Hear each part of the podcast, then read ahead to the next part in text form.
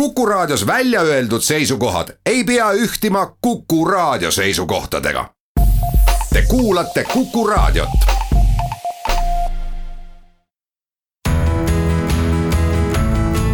kuku Raadio nädala kommentaar.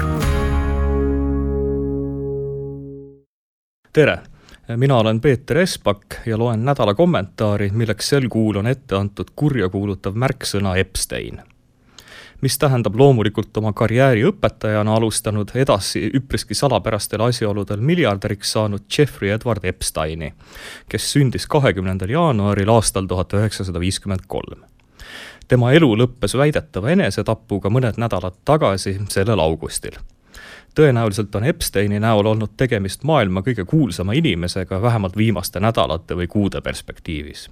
Pole tõesti pea ühtegi infokanalit, kus Epsteinist pidevalt uut teavet ja põnevaid fakte ei edastataks. Eesti meedia on küll tema kajastamisel olnud erakordselt napisõnaline, kuid lääne meedia teeb teda kindlasti juba maha rohkem kui president Trumpi, mis on viimaste aastate puhul enneolematuks nähtuseks Epsteinist on kujunenud omamoodi uus kurjuse sümbol.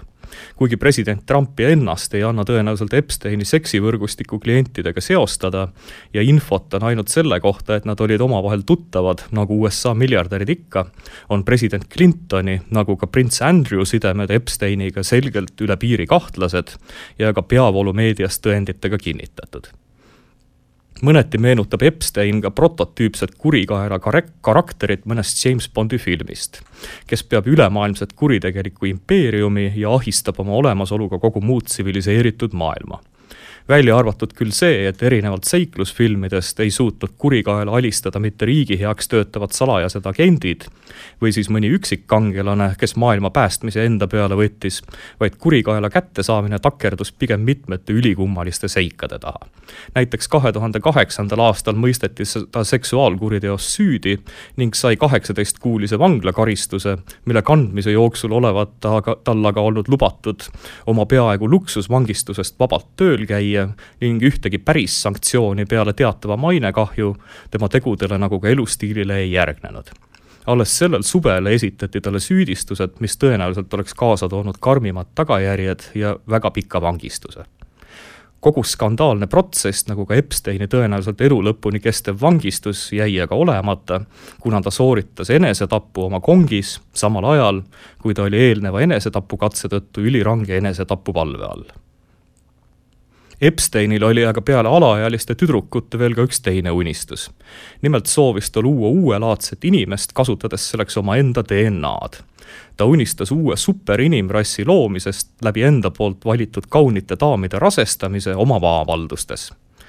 tema eriliseks huvialaks oli ka transhumanismi nime all levitatud uus teadussüsteem või mõtteviis, mille tuum seisnes geneetilise muundamise ja tehisintellekti kaudu inimkonna geneetilise baasi parandamises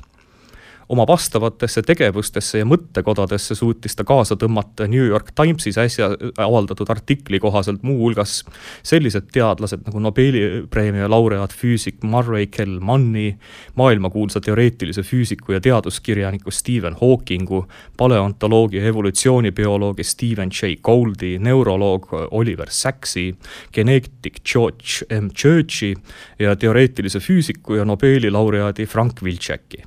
väidetavalt olla teadlasi Epsteiniga koostööle ahvatlenud eelkõige tema raha, pakutavad grandid ja loomulikult ka rikkalikud peolauad võimalike kaunite lisanditega. vaevalt, et kuulsad teadlased Epsteini uskusid. tõenäoliselt suurem osa külastas tema üritusi ehk rohkem antropoloogilistel kaalutlustel maailma mitmekesisuse ja soopaar imelisuse isiklikuks kogemiseks. kuid ei saa eitada siiski ka paljude selget koostööd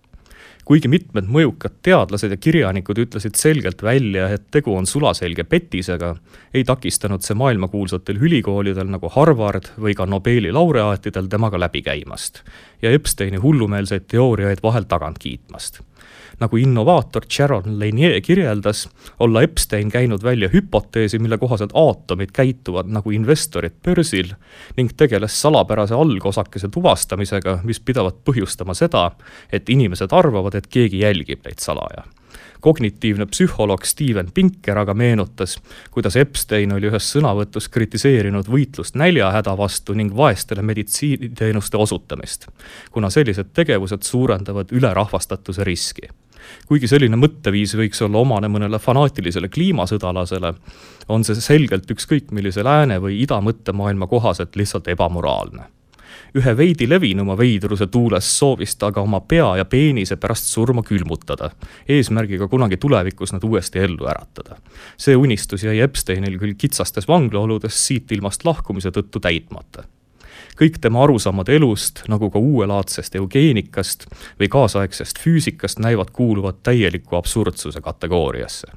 mis ei takistanud aga maailmakuulsatel inimestel temaga sidemeid loomast ja isegi sõbrustamast ning tema hullumeelsetele ideedele kaasa elamast. see, et osad Briti kuningakoja liikmed või ka Clinton olid Epsteini sõbrad, kõlab pigem täiesti loomulikult. võttes arvesse nimetatud seltskonna seiklusjanulist minevikku, imestaks pigem selle üle, kui sellised sidemed oleks puudunud. kuidas aga maailmakuulsad teadlased ja instituudid sellega jamaga suutsid kaasa minna, jääb täiesti arusaamatuks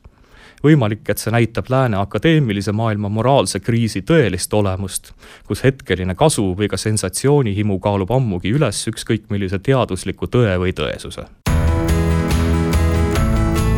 kuku raadio nädala kommentaar